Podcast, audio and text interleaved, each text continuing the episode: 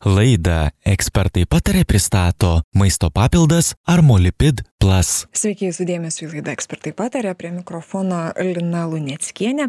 Ir šiandien mūsų laidoje kalbėsime apie širdies ir kraujagyslių lygų prevencijos programą Lietuvoje, pagal kurią pasitikrinti dėl širdies ir kraujagyslių lygų turėtų beveik 670 tūkstančių žmonių. Tačiau tikrinasi tikrai ne visi, todėl šiandien norime aiškintis, kodėl žmonės nesitikrina kokie žmonės privalo ir turėtų pasitikrinti pagal šią programą ir apskritai kaip saugosim savo širdelę ir kraujagyslę kraujagysles nu malonu pristatyti laidos pašnekovę. Nuotoliu šiandien pas mus laidoje dalyvauja profesorė žaneta petrulionienė sveiki gerbiama žaneta Labą dieną. Taigi, kaip ir minėjau, įžangoje apie 670 tūkstančių žmonių turėtų pasitikrinti pagal dabar a, vykdomą programą dėl, dėl širdies ir kraujagyslių lygų prevencijos. A, tikrinasi tikrai ne visi. A, kaip, gal galit pasakyti, kodėl taip vyksta, kodėl žmonės nenori, ar nenori, ar negali, ar mažai informacijos, kokios priežastys lemia, kad žmonės nesitikrina a, dėl, dėl, dėl savo širdies ir kraujagyslių aš priminsiu kad programą pradėjom du tūkstančiai šeštaisiais metais ir kiekvienais metais besitikrinančių labai sparčiai daugėjo iki pandemijos. Pandemijos metais šiek tiek sumažėjo tačiau dabar vėl stebimas e, gausėjimas. Kodėl žmonės nesitikrina? Galbūt informacijos stoka e, bet aš manau pastaruoju metu mes kalbam ir rašom labai daug. Antra priežastis kad jie nesitikrina galvodami kad yra visiškai sveiki nes nieko nejaučia jie nejaučia jokių simptomų. Bet programa ir yra skirta tiems kurie dar nesirgo širdies kraujagyslių liga ligomis tačiau kurie turi e, visą eilę rizikos veiksnių kurių jie galbūt nežino ir nejunta. Tai turėtų kreiptis į savo šeimos gydytoją nes visi šeimos daktarai programoj dalyvauja. Vyrai nesirgę širdies kraujagyslių ligomis nuo keturiasdešim iki penkiasdešim penkių ir moterys nuo penkiasdešim iki šešiasdešim penkerių metų kad jiems patikrintų visus rizikos veiksnius gyvensenos rizikos veiksnius užrašytų elektrokardiogramą paimtų kraują iš venos ir būtent ir iš kraujo pasakytų kokie gi yra e, nukreipimai tai aš labai skatinčiau kad visi visi kurie pasiekė tą amžių turėtų nors ir nieko blogo nejausdami kreiptis kadangi nieko nejausdami jie jau gali turėti savo arterijose nebylią e, aterosklerozę Profesorė, žiūrėkite, rizikos veiksniai pasakėte. Ar žmogus gali pats tuos veiksnius kažkaip identifikuoti, atkreipti juos dėmesį? Gal galėtumėte pačius pagrindinius įvardinti, kurių negalima ignoruoti jokiais būdais? taip visų pirmiausia mes negalime kol kas įrodyti e, bet genetika paveldimas šeiminis polinkis tai tą tiesiog žinodami pirmos eilės giminaičių e, ligas širdies kraujagyslių ligas ypač ankstyvas iki penkiasdešim metų arba ankstyvas mirtis nuo širdies kraujagyslių ligos. E, taip pat polinkį aukštam kraujospūdžiui polinkį aukštam cholesteroliui tai tą reikia įvertinti. Tai yra genetika tai yra polinkis tai yra labai galingas rizikos veiksnys. Visus kitus galima išmatuoti namuose. Tai yra arterinė hipertenzija kraujospūdį galima namuose pasimatuoti širdies susitraukimų dažnį kūno masės indeksą kūno svorį liemens apimtį žinoti savo fizinį aktyvumą pasiskaičiuoti kiek minučių per dieną kiek minučių per savaitę fiziškai aktyvūs pagalvoti apie savo mitybą. Mityba yra kertinis kertinis akmuo. Nu ir be jokios abejonės pasižiūrėti kiek ilsimės kiek miegam kaip mes laikomės bioritmų ir kiek mes turime kasdienio streso. Toliau kraujas iš venų čia jau yra gydymo įstaigoje elektrokardiograma taip pat gydymo įstaigoje Žaneta, mes kalbėjom apie priežastis, jūs pasakėt, kad galbūt žmogus įsitikinęs, kad jisai sveikas ir, ir, ir, ir todėl nesikreipia, gal per mažai komunikuojama, per mažai informacijos. Aš net kartais galvoju, gal žmogus tiesiog bijo išgirsti tą blogą diagnozę, gal, gal dar ir tai stabdo žmonės, kaip jūs galvojat? Aš manau kad tai yra labai blogas požiūris todėl kad jeigu žmogus nieko nejaučia tačiau jisai turi galimybę apsisaugoti nuo pirmojo infarkto nuo pirmojo insulto galbūt netgi nuo staigios mirties tai žinojimas padeda išvengti šių ligų ir rizikos veiksnių kuo ankstyvesnis nustatymas įvardijimas kokių tikslų turime siekti ir tų tikslų siekimas. Kodėl programa būtent tokio amžiaus asmenims? Todėl kad yra paskaičiuota kad programą reikia pradėti likus maždaug maždaug apytiksliai dešimčiai metų iki galimo infarkto insultų piko. Tai programa ir skirta tam kad ligos išvengti. Prevencija kaip mes ir kalbėjome ar ne? A jūs užsiminėt apie cholesterolio kiekį kraujyje.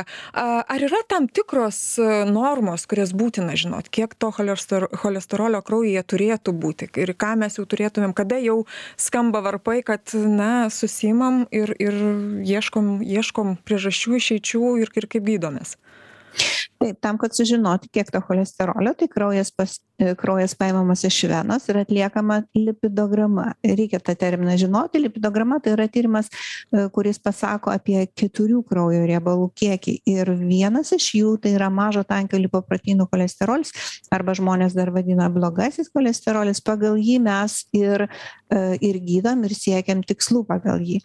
O būklė arba liga kai cholesterolis arba padidėjęs arba sakykime sutrikęs lipidų santykis vadinasi dislipidemija.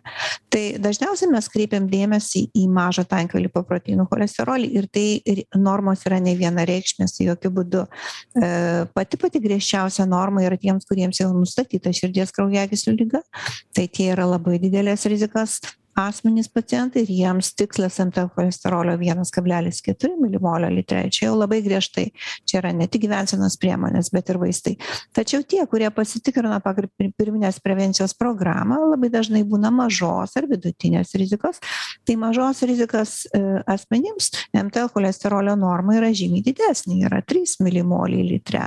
Ir e, pasižiūrėjus į tą keturių skaičių lipidogramą labai lengvai galima pasakyti kiek.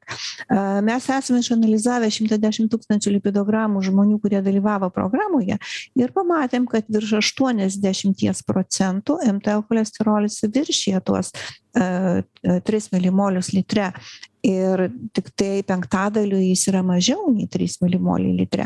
Tai dažniausiai lietuvos vidutinio amžiaus žmonių mtl cholesterolis yra trys kablelis aštuoni milimolių litre. Ir dažnai žmonės klausia ką daryti kaip mažinti iki kiek mažinti. Taigi kai maža rizika turi mažinti maždaug iki trijų milimolių litre. Bet noriu akcentuoti kad ne tik cholesterolis yra lipidogramoj dar daktaras pasakys kiek yra trigliceridų. Tai yra taip pat pikti riebalai kurie dažnai būna esant pilviniam visceraliniam nutukimui metaboliniam sindromui polinkiui cukrinį diabetą tai trigliceridus taip pat reikia pasižiūrėti Mhm. O sakykite, kaip mažinti, va jūs irgi sakėt, e, žmonės mhm. tikrai daug, daug, daug lipa už tos ribos, kaip mažinti tą cholesterolio kiekį tada? Taip, e, tikriausiai mes visi žinom kad cholesterolis yra medžiaga kuri labiausiai apaugusi mitais.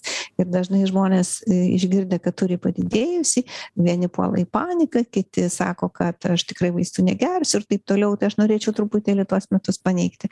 Tai pagrindinė mano žinutė paneigiant mitus kad cholesterolis organizmui yra būtina medžiaga hormonams tulžies rūgštims mūsų ląstelių membranoms mūsų smegenims ir taip toliau toliau e, cholesterolis kenkia tik tuomet kai jo yra per daug. Pagal rizikos grupę normatyvai yra pagal rizikos grupę jie yra skirtingi kiekvienam žmogui. Ir ir ir dar viena žinutė kad mes mažiname tiktai padidėjimą mes nemažinam cholesterolio per se. Mes nesakom kad turim kovoti su cholesterolio aplamai tiktai su jo padidėjimu. Ir dar viena žinutė kad cholesterolis yra kenksmingas kenksmingiausias tuomet kai jis yra oksiduotas kai jis yra pakitęs. Oksiduotas, tai čia, o kada čia įvyksta, kada ta, ta oksidacija įvyksta? Taip, kai organizme yra iš tikrųjų per mažai antioksidantų, tai tokios biologiškai aktyvios medžiagos.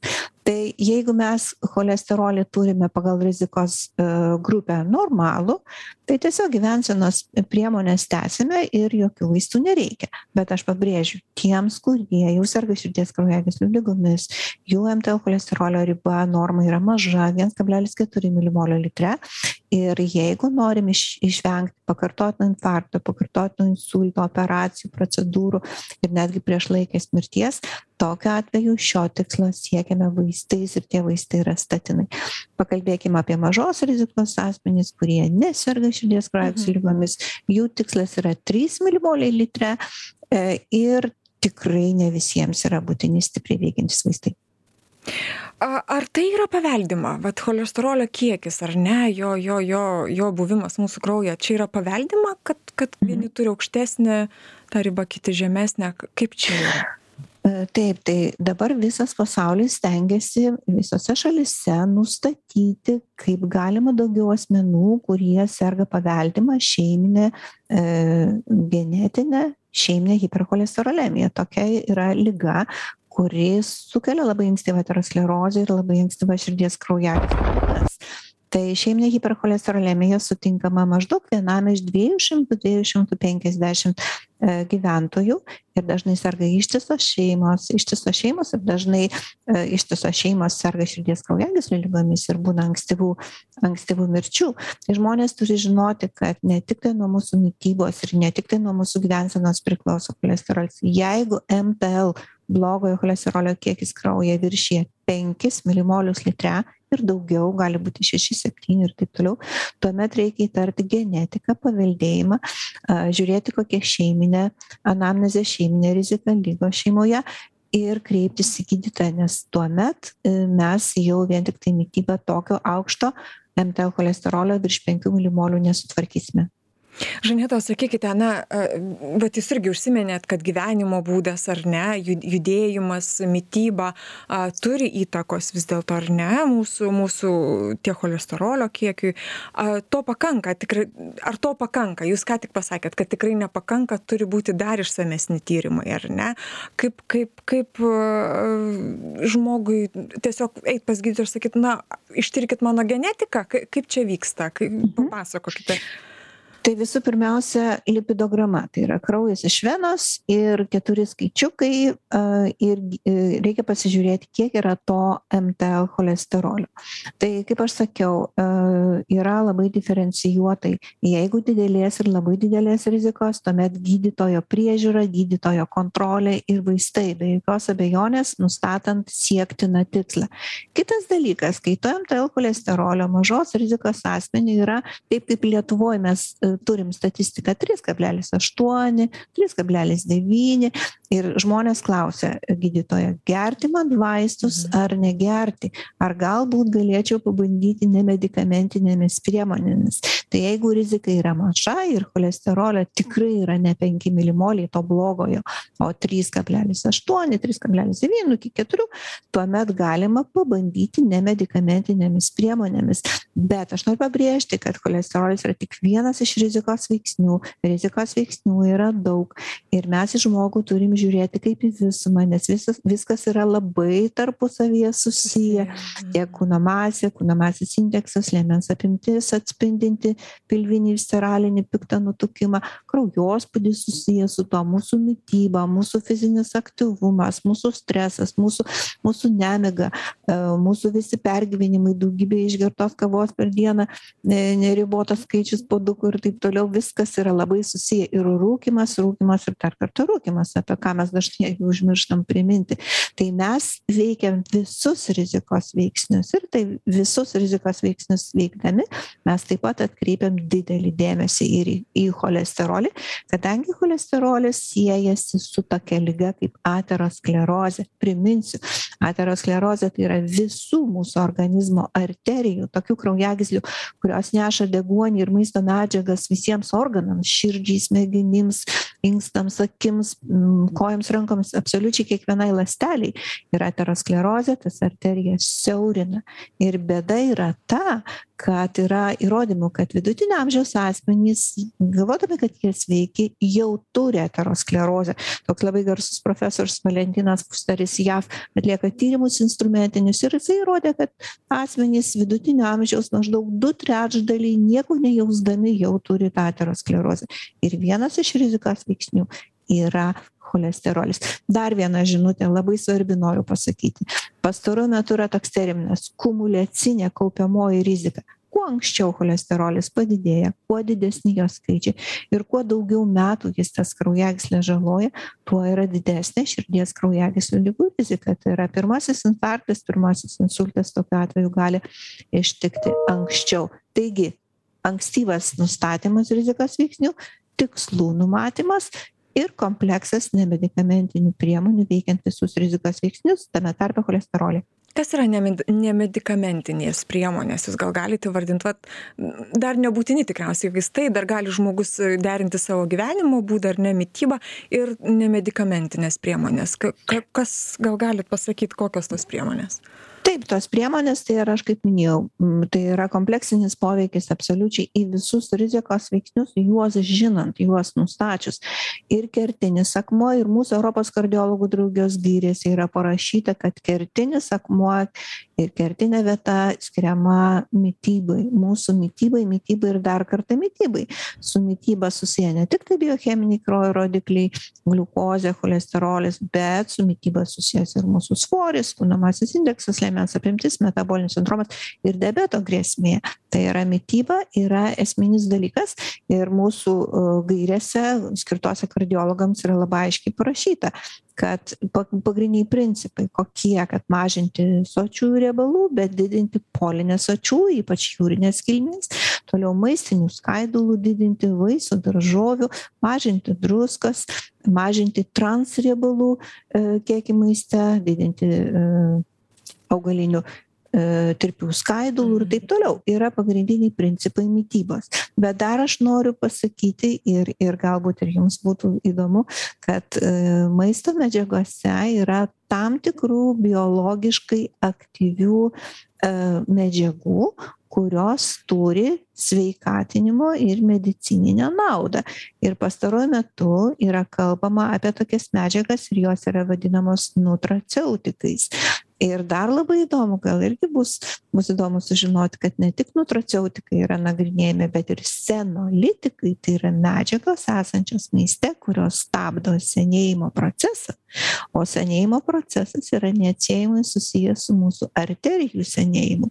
Yra posakis parodyk man savo arterijas iš vidaus ir aš pasakysiu kiek tu gyvensi ir aš pasakysiu koks tavo biologinis amžius.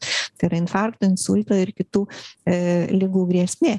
Taigi senolitikai nutraceutikai tai mūsų kardiologų draugijos gairėse yra pasakyta kad tai yra papildoma priemonė prie visų e, gyvensenos rizikos veiksnių mažinimo e, padedanti išsaugoti sveikatą.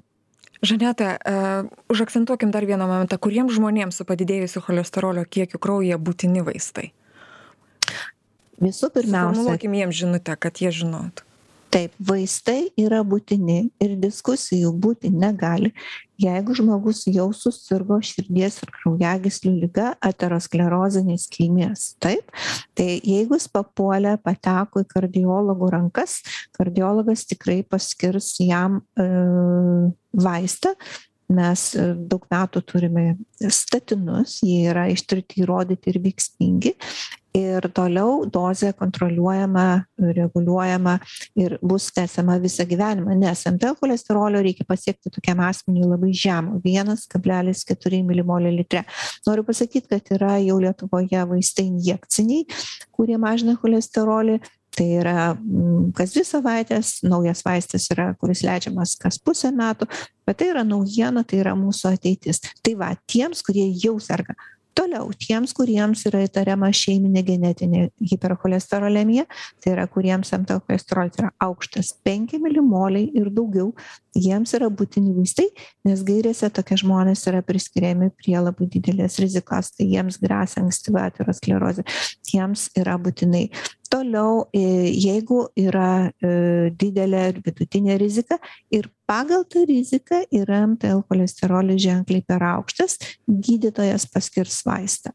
Jeigu rizika yra maža kaip aš minėjau tai yra rizika apskaičiuojama pagal specialias lenteles visi šeimos gydytojai tas lenteles turi.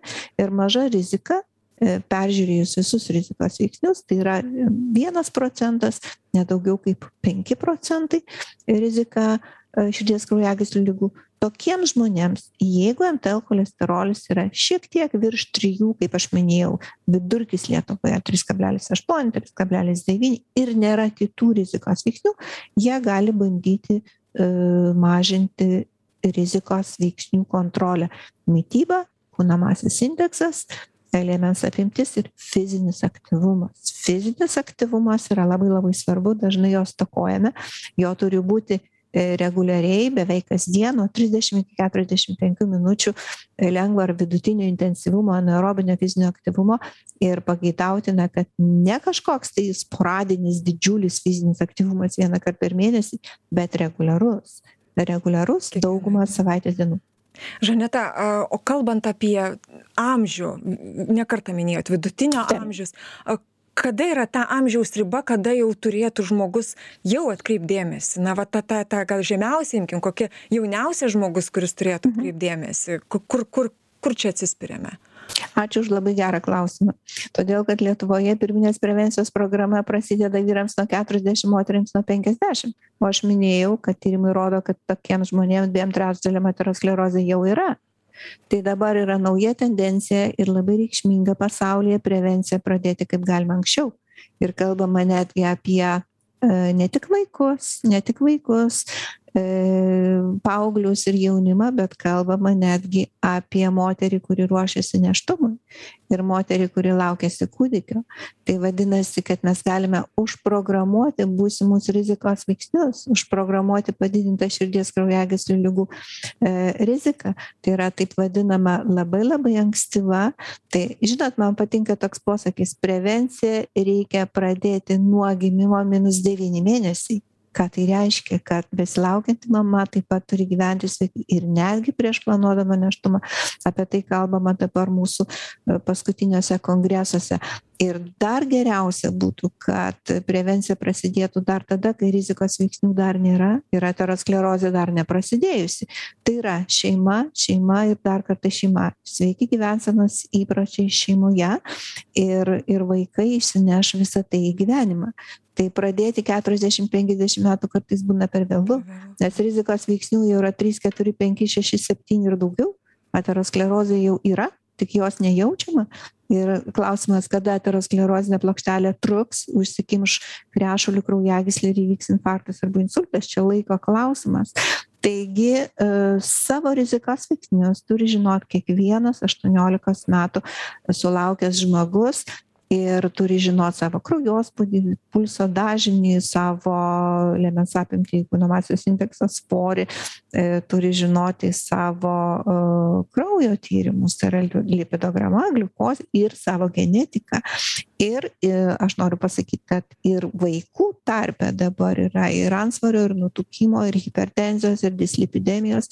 Tai čia jau šeimos daktarų darbas ir ir ir šeimos aplamai ir šeimos tikslas kad vaikai augtų sveiki. Ir dar noriu pabrėžt kad mes labai žaneta nes jau man viskas jau mes turime pabaigą viso kadangi yra genetinis polinkis kadangi yra genetika tai rizikos veiksnių nustatymą reikia pradėti kaip galima anksčiau ačiū jums už pokalbį. Žinių radijo klausytojams noriu primint kad šiandien laidoje dalyvavo profesorė žaneta petrulionienė laidą vedžiau aš lina luneckienė jūs ir toliau likite su žinių radiju gražių ir sveikų jums dienų. Laidą ekspertai pataria pristato maisto papildas armolipid plus